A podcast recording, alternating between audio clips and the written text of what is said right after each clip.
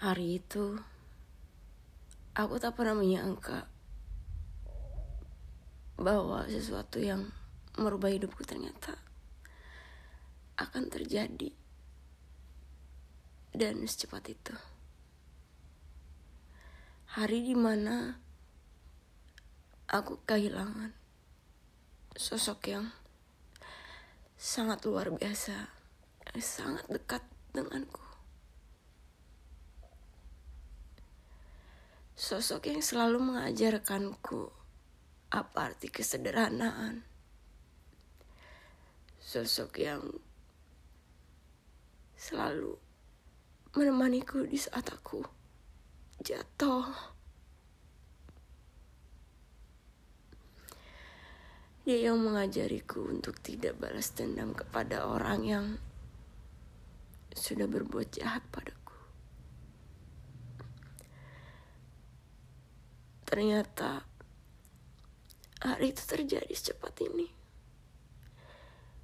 Aku gak pernah nyangka ini akan terjadi padaku. Kehilangan sosok ibu dalam waktu yang secepat ini dan di usiaku yang masih 23 tahun ini itu gak akan pernah gak pernah aku bayangin sebelumnya. Aku deket banget sama ibu. Apa-apa tuh selalu bilang. Punya masalah selalu bilang. Lagi seneng selalu bilang. Bahkan hal kecil pun ketika aku haid aku bilang ibu itu sosok ibu yang luar biasa. Ibu itu nggak pernah ngejudge anak-anaknya. Ibu itu selalu mengajak anaknya diskusi untuk berbicara tentang hidup bicara tentang sekolah atau lain-lain. Ibu itu ibu yang sangat luar biasa. Ibu yang selalu jadi panutanku.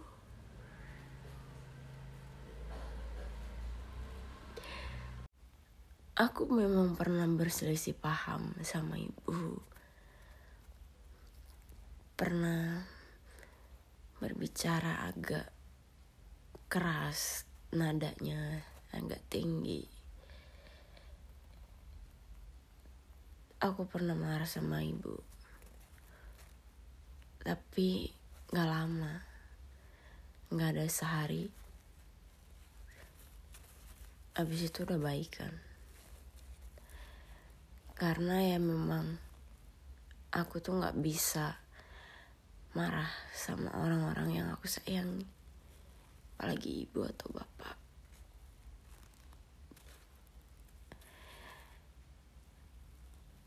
Kalau aku tahu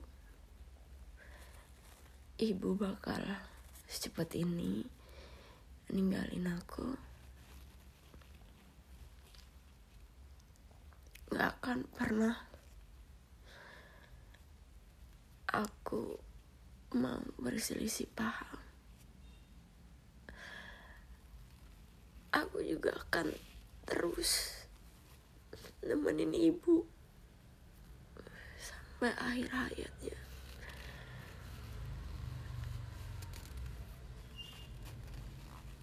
Selalu. Tapi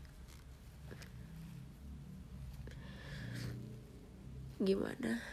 Semuanya udah terjadi. Nasi udah jadi bubur.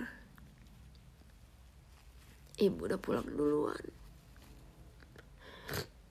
Ninggalin aku bapak dan adik di sini. Tinggal kami bertiga di rumah. Keluar bareng semua dilakuin bareng-bareng. Kadang tuh aku ngerasain iri pas saat ibu tuh yang udah lemes banget gitu. Ibu sebenarnya awal mulai ibu sakit tuh udah lama tahun 2019 sebelum ibu berangkat haji. Awal gejalanya itu haid yang berkepanjangan gitu. Nah, jadi buat teman-teman nih yang haidnya lama banget, bisa sampai sebulan, cobalah segera periksa. Karena ini pernah kejadian di ibu. Awal mulanya di situ.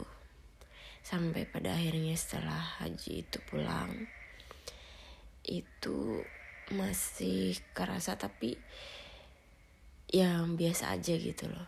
Pas sebelum berangkat tuh diperiksain ternyata udah ada tumor itu sebesar 3 cm gitu loh di kista gitulah. Nah habis itu ternyata makin ke sini makin melebar. Tahun 2021 pas itu masih covid tuh masih tinggi banget ya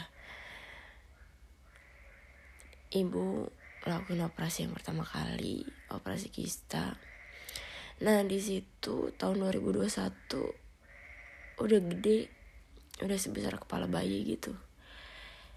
Tapi pas dites si kistanya itu masih yang jinak gitu loh masih tumor jinak gitu.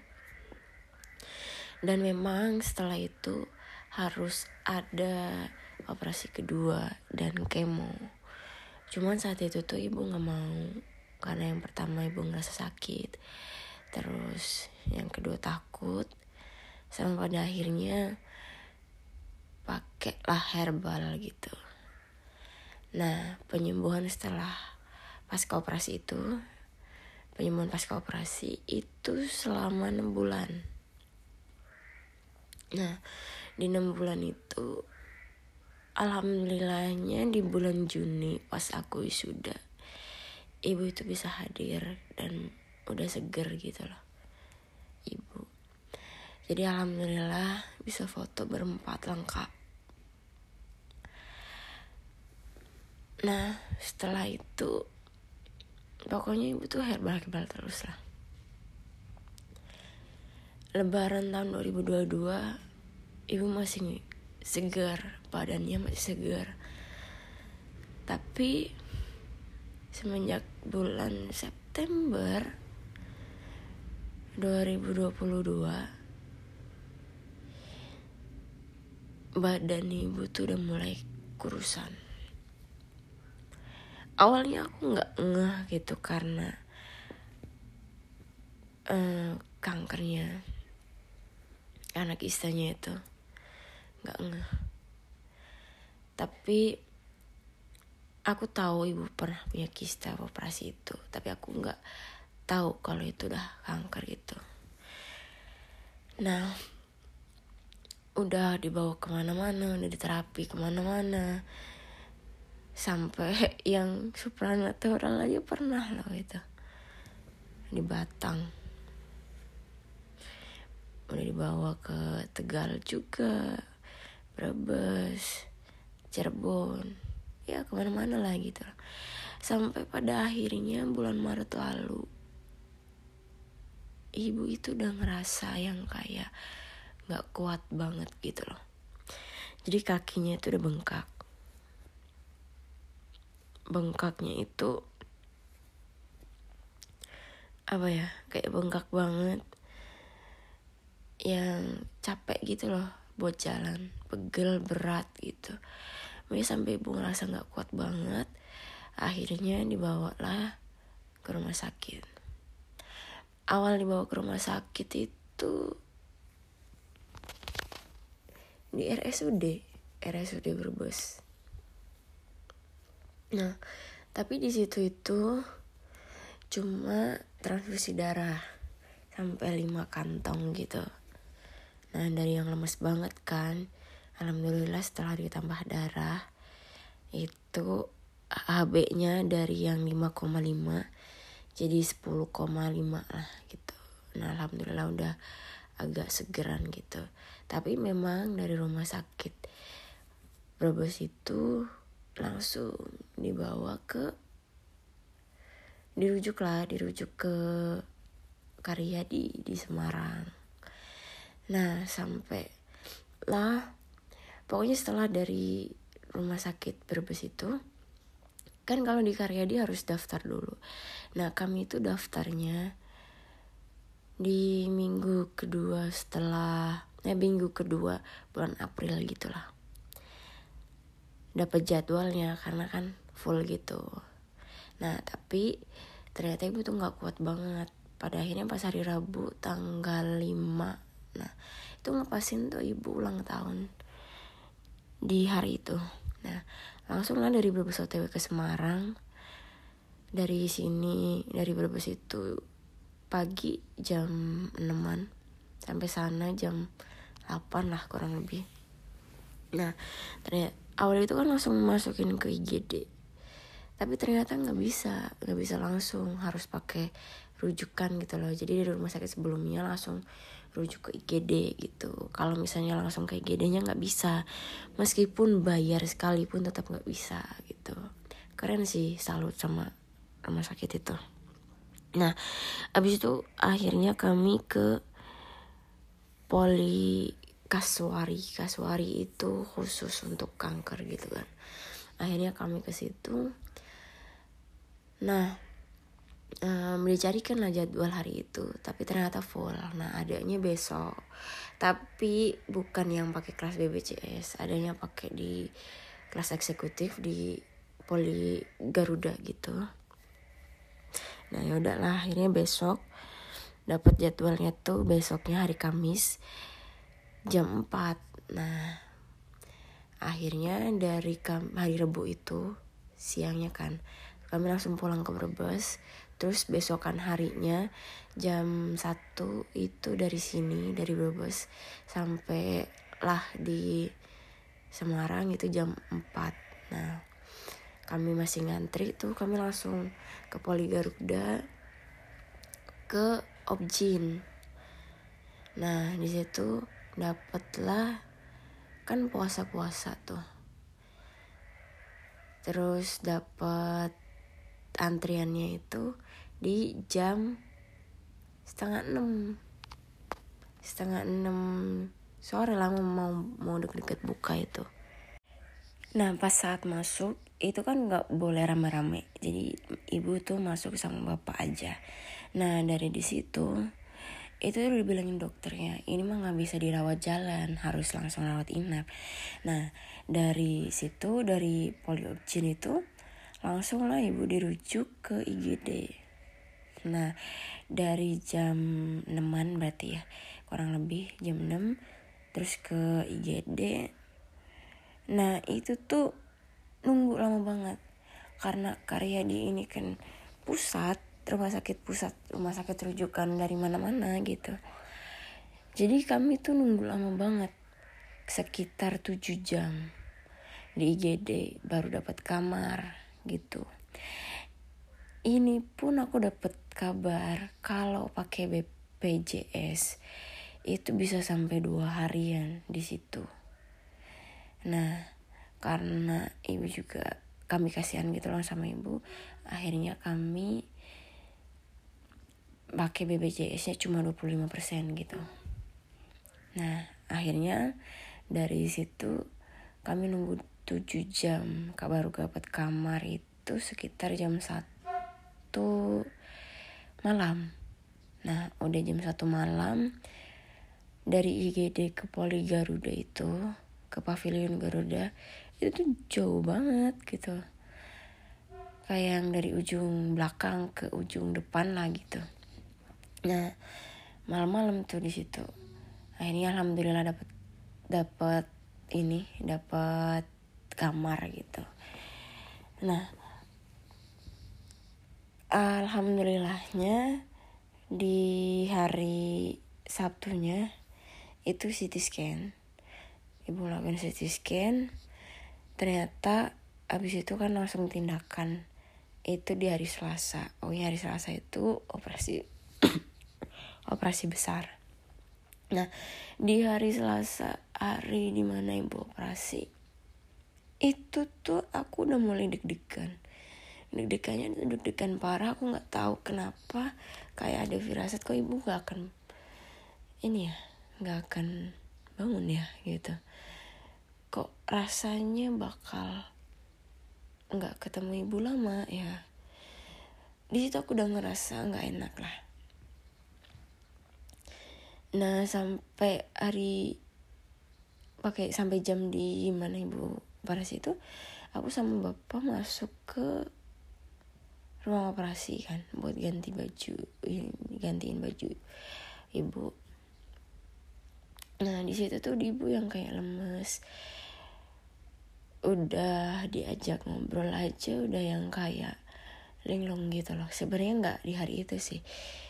Dari dua hari yang lalunya gitu semenjak makanannya itu nggak boleh makan dari luar rumah sakit lah.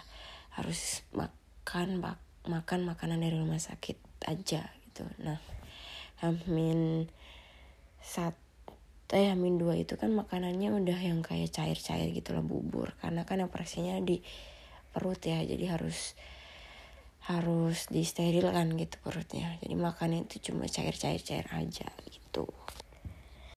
Pokoknya di situ itu ibu udah diajak ngobrol hampir-hampir nggak nyambung gitu loh nah pas di ruang operasi itu itu juga udah yang lemes banget. Terus aku lihat dokternya itu dia yang kayak lemes gitu loh. Padahal sebelum sebelumnya kalau dia masuk ke, ru ke ruangan gitu ke kamar ibu itu dia yang kayak ceria gitu. Tapi pas saat itu dokternya tuh kayak yang lemes aku udah firasat gak enak kan di situ. Awal perkiraan operasi itu 3 sampai 4 jam aja gitu. Tapi ternyata pada eksekusinya lama banget lebih dari 4 jam. Nah selama operasi itu kan kayak keluarga tuh dipanggilin terus kan. Keluarga ibu Suparmi keluarga ibu Suparmi gitu. Nah pertama dipanggil itu tuh diketahui dokter bilang. Katanya pas perutnya dibuka keluar lagas. Yang kayak dalamnya tuh ternyata ada nanah. Dan yang awalnya itu dikira kankernya itu di ovarium kan ternyata udah ke kankernya itu udah nyebar ke usus jadi ususnya itu udah prampang udah bolong gitu loh. Jadi memang harus ada pemotongan usus gitu. Nah pas dikasih tahu itu tuh udah lemes banget. Ya Allah kasihan banget gitu loh. Ibu ususnya dipotong. Kanker kankernya itu udah nempel di usus ususnya gitu. Nah itu tuh sebenarnya bisa aja langsung dibersihin gitu. Cuman pas dibersihin langsung semuanya ibu bisa meninggal saat itu gitu loh. Jadi kan eh ambilnya satu-satu pelan-pelan gitu. Nah abis dari situ dipanggil yang pertama. Terus yang kedua itu ada pemanggilan lagi gitulah cuman aku lupa pemanggilan yang kedua itu karena apa. Nah terus yang pemanggilan yang ketiga itu itu operasinya udah hampir selesai. Dilihatin lah uh, kankernya. Itu satu toples toplesnya lumayan ya agak gede lah tapi ya nggak gede-gede banget. Itu tuh udah yang kayak darah semua bentukannya itu tuh kayak gaji gitu loh. Lemak lemak di daging sapi daging kambing gitu gitulah. Bentukannya tuh kayak gitu yang aku lihat. Nah akhirnya setelah lima jam lebih lah itu ibu baru selesai. Itu dari operasi langsung dibawa ke ICU ibu belum sadar kan. Nah dari operasi itu itu tuh sebenarnya udah saat saat operasi itu udah panik banget gitu loh karena dokternya aja itu udah yang mau nyerah gitu. Harusnya satu dokter ini dua dokter yang operasiin gitu. Dari dari yang dokter kandungan sampai ke dokter apa gitu lupa. Nah itu tuh udah lemes banget udah yang kayak berdoa banget. Terus saat ibu udah selesai operasinya ya alhamdulillah udah selesai gitu kan. Tapi kan dibawa ke ICU nah dari situ di ICU itu kan nggak bisa yang semuanya ini ya semuanya dijenguk langsung gitu loh. Bebas cenguk lah intinya. Nggak bisa bebas cenguk harus di waktu. Itu waktunya jam 17 sampai jam 19 kosong kosong baru bisa dijenguk. Nah karena kami dari pavilion Garuda tuh terus ibu ke ICU jadi itu kamarnya kami pindah di ruang tunggu. Nah ruang tunggunya itu bukan yang kayak kamar juga sih. Itu bah kocak banget sih kayak ruang tunggu kayak di penjara gitu loh ruangannya. Nah akhirnya kan kami pindah ke situ. Terus di jam-jam ibu boleh ini boleh dijenguk ke kamar saya ICU lah aku. Di situ tuh aku benar-benar yang lemas banget. Keadaan ibu tuh udah yang kayak dipasangin alat. Alat yang nggak pernah aku bayangin sebelumnya nggak pernah tahu ada alat kayak gitu. Terus ternyata lihat dipasangin di ibu itu tuh rasanya nyesek banget. Di hari pertama itu aku nggak bisa ngomong sama sekali pas ketemu ibu nangis saja di hari pertama itu. Terus uh, di selama di ICU itu selama yang di ICU itu kan dipanggilin terus gitu kan. Keluarga ini keluarga ini gitu kan. Nah pas keluarga ibu dipanggil itu tuh aku selalu deg-degan. Dibilangin uh, pokoknya awal-awal masih oke oke oke. Makanya bapak tuh langsung tanda tangan tanda tangan setuju gitu. Kayak yang transfusi darah dan lain-lain gitu. Nah sampai akhirnya dikabarin di hari Rabu eh hari Kamis. Hari Kamis. Tapi tuh Rabu malam berarti. Itu dikasih tahu kalau ibu itu harus dioperasi lagi. Jadi itu kan ibu pendarahan hebat karena usus itu organ yang rentan gitu loh. Jadi pendarahan hebat akhirnya dipasangin tampon gitu. Nah tampon itu kan nggak boleh lama-lama nih di perut. Akhirnya harus diambil. Nah diambil itu di jam jam berapa ya? Aku lupa jamnya pagi kayaknya. Kamis pagi gitu. Eh salah Kamis jam 8an jam 8 malam itu harusnya jadwalnya. Tapi di hari H di hari Kamis hari H nya itu ternyata dicepetin. Jadi maju itu sekitaran jam 5an kayaknya. Nah di situ tuh aku awal kira udah udah pasrah kan. Bakalan lama lagi gitu. Tapi kan katanya ambil tampon doang berarti cepet nih gitu kan. Ternyata alhamdulillah ini cuma satu jam aja udah selesai. Nah tapi dari situ ibu dibawa ke ICU lagi. Udah yang keadaan lemes. Nah sebelum operasi yang kedua itu tuh ibu udah sadar. Udah sadar dulu. Tapi yang belum bisa diajak ngomong itu bapak sih yang lihat. Aku nggak lihat. Nah habis itu habis masuk operasi yang kedua bawa ICU lagi itu alatnya tuh makin banyak itu obat-obatnya gitu loh dimasukin obat-obat. Nah di hari Jumat itu ada udah. Di hari Jumatnya kondisi ibu itu makin buruk jadi kritis gitu loh ibunya kritis ibu kritis. Di jam-jam siang pokoknya tuh dari sebelum jumatan itu udah disuruh ke ICU buat ngaji aja. Ngaji di situ yang harusnya jadwalnya jam 5 sore tapi ini dibolehin khusus keluarga ibu.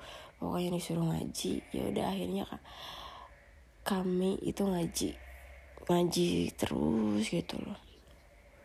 Di ngajiin terus ditalkinin juga gitu. Tapi ngajinya itu masih yang satu-satu. Nah kata dokter ya dibilang tuh bisa ngajinya jadi banyak kan. Ngajinya jadi banyak kan. Tapi pas saat karatul maut. Nah sakaratul maut itu ditandai dengan detak jantungnya itu yang nggak karuan. Kadang naik tinggi tapi tiba-tiba turun lagi gitu. Nah terus tuh dari yang hari siang itu yang ngajiin terus tapi makin sini makin sini makin sini makin lemah kondisinya nah sore itu Jumat maghrib tuh mau maghrib kan mendekati maghrib perawatnya tuh bilang posisi di ICU itu ada aku, adik aku, terus sepupu aku, dua orang sama istri di situ. Nah aku dipanggil, aku nyamperin perawat deh, aku nyamperin perawat dulu, aku nanya kondisi ibu tuh kayak gimana? Gitu kan. Abis itu diajak minggir sama perawatnya. Posisi di situ aku udah nggak nangis, udah yang kayak oh ya udah oke. Okay gitu. Terus dikasih tahu sama perawatnya. Pertama perawatnya bilang sebenarnya saya mau ngasih tahu mbak tapi janji ya jangan nangis dulu gitu. Janji ya jangan janji ya jangan nangis jangan nangis gitu kan. Iya janji gitu aku bilang kan. Ini dikasih tahu intinya tuh perawatnya kasih tahu kalau kondisi ibu itu udah sangat kritis. Tubuhnya itu nggak bisa respon sama obat. Terus badannya ibu itu udah yang dingin banget kan. Dari kaki tangan tuh semua udah dingin. Dingin banget. Nah terus dikasih tahu perawatnya. Katanya tuh maaf ya mbak bukannya nyalahin takdir. Maaf banget bukannya lancang bukannya nyalahin takdir. Ini kami juga udah yang pasrah banget. Intinya tuh ibu itu udah nggak ada nanti malam atau besok pagi. Gitu.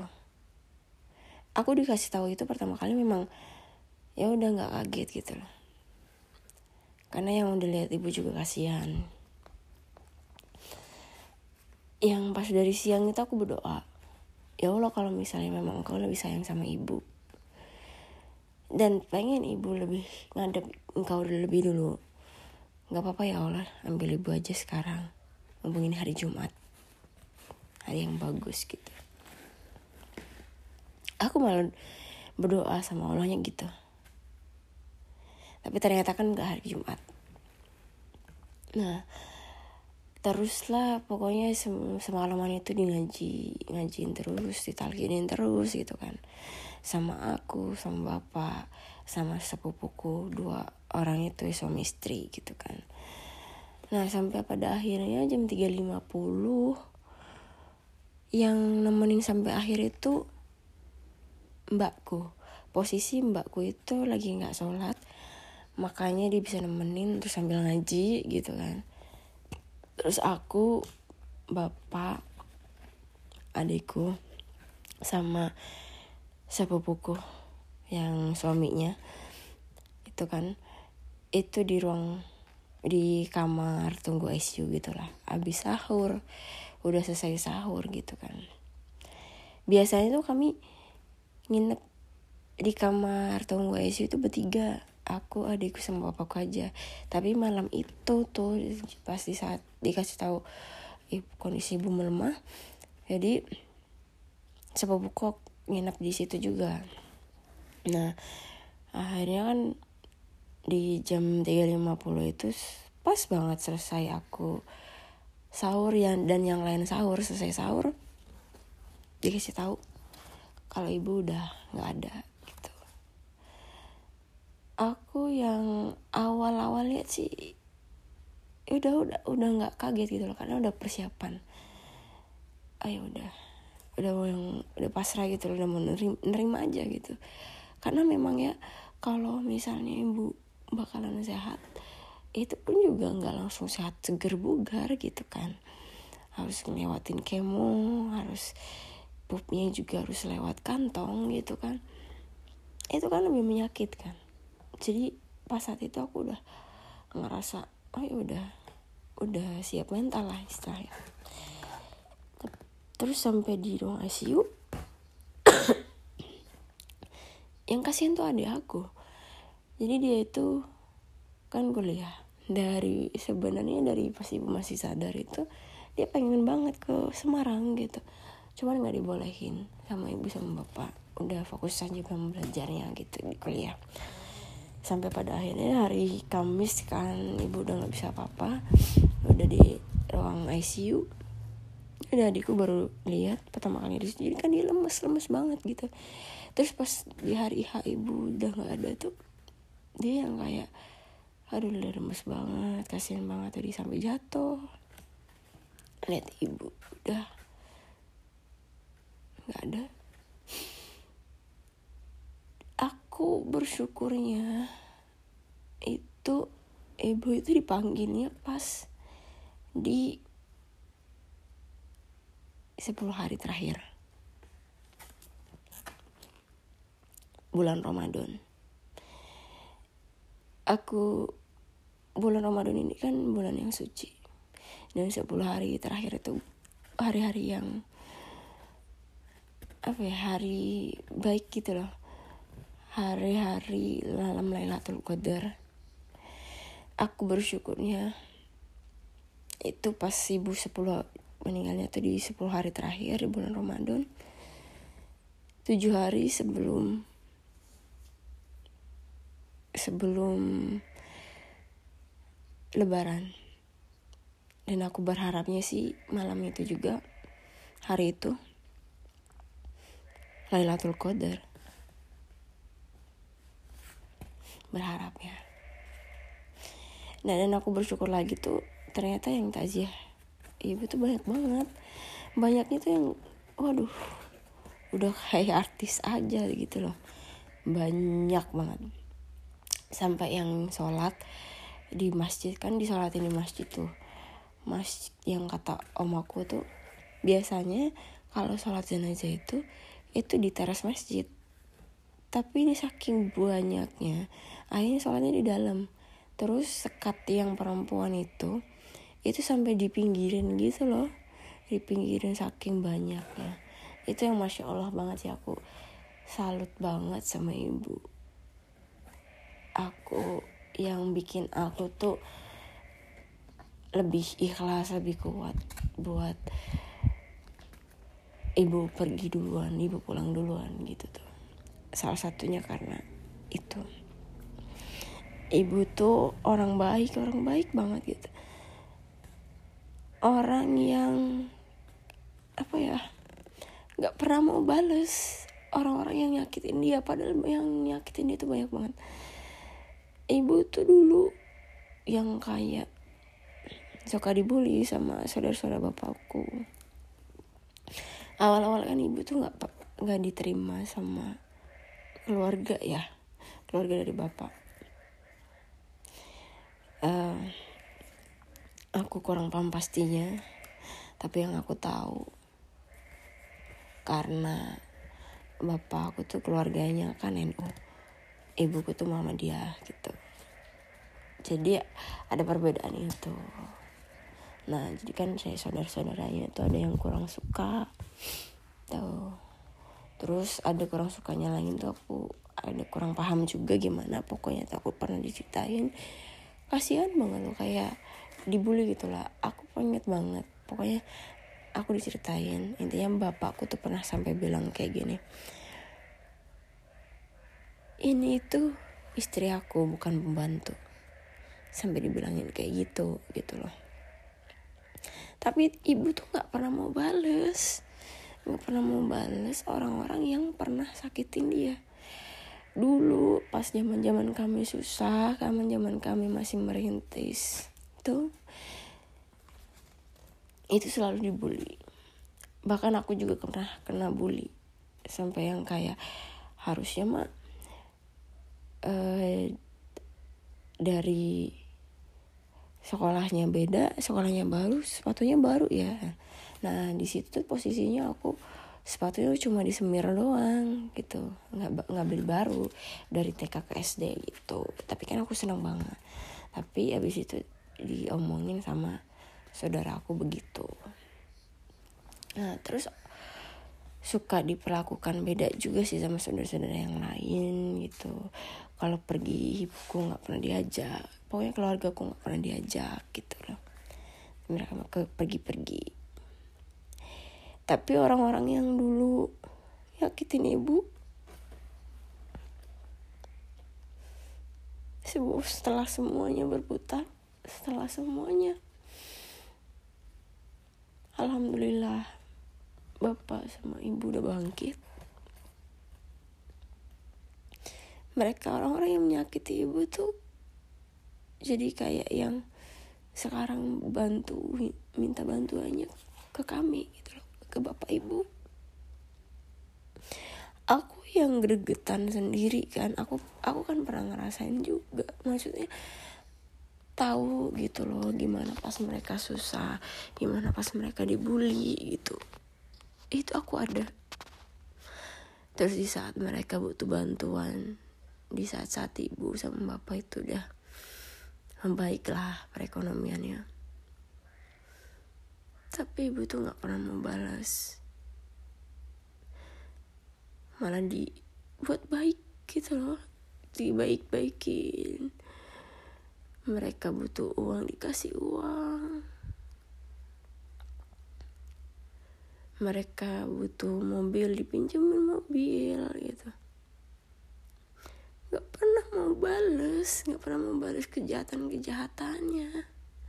Itu yang bikin aku salut. Sampai sekarang. Pokoknya tuh perkataan ibu yang selalu aku pegang dari dulu. Ini ibu ngomong ketika aku kelas 11 dulu kan aku asrama banyaklah drama di situ. Terus ibu nasehatin kalau ada orang yang jahatin kamu jangan kamu jahatin balik. Tapi buat baik aja. Nanti dianya luluh. Itu itu yang selalu aku pegang.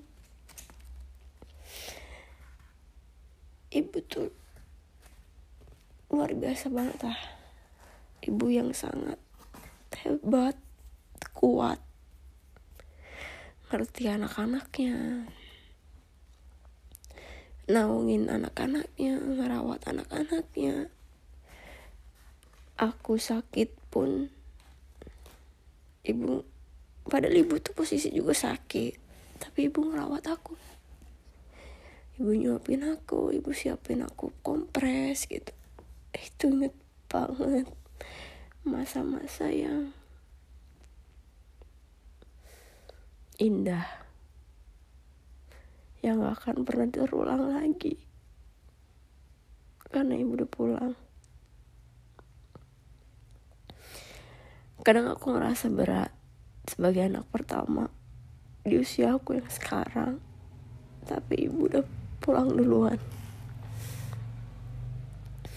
Orang-orang tuh banyak bilang ke aku kamu yang kuat ya kamu yang kuat ya.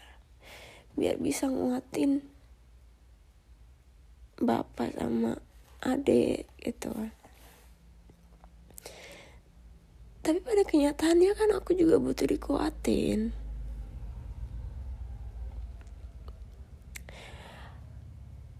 Aku tuh ngerasa kadang kayak berat ya.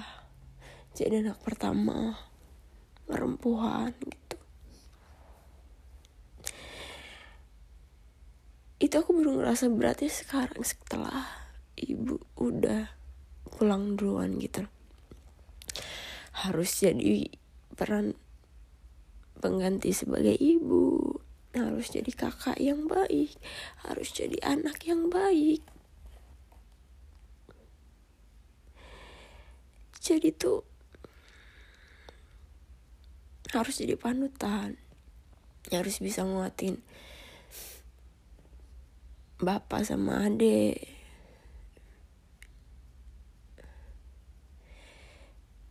Ya. Kadang tuh ngerasa susah aja.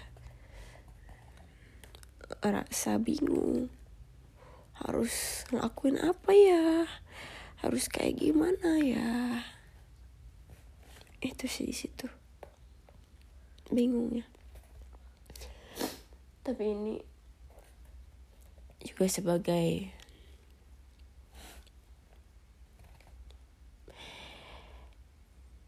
penguat aku sih. Biar bisa hidup lebih baik lagi. Biar ngerti kalau hidup itu tuh sebenarnya nggak mudah. Biar bisa lebih menghargai waktu bisa menghargai orang bisa menghargai apa pun yang ada di hadapan aku sekarang. Itu salah satu hikmahnya. Jadi buat teman-teman yang masih ada orang tua yang orang tua yang masih lengkap tolong ya jangan disia-siain karena baru ngerasa kerasanya itu setelah kehilangan. Itu bahkan kerasa banget. Mungkin saat ini kita udah kita ngerasanya tuh orang tua kita tuh nyebelin banget sih. Kok bawel banget sih? Ini sih ngatur-ngatur lah inilah itulah. Tapi sebenarnya mereka tuh sayang. Tolong hargain mereka. Jaga mereka. Jangan sampai nantinya kamu menyesal. Kalau kita nggak ada mereka itu kita nggak bisa apa-apa loh. Kita bisa jalan sampai sekarang aja. Orang tua kita yang ngajarin. Bisa ngomong. Meskipun nggak selamanya perhatian orang tua itu ke kita tapi mereka tuh sayang sama kita. Jadi buat teman-teman yang orang tua yang masih ada jangan disia-siain ya. Udah sekian dulu dari aku. Maaf kalau belibet. Maaf aku banyak nangis ya. Penting kita harus tetap semangat menjalani hidup. Dadah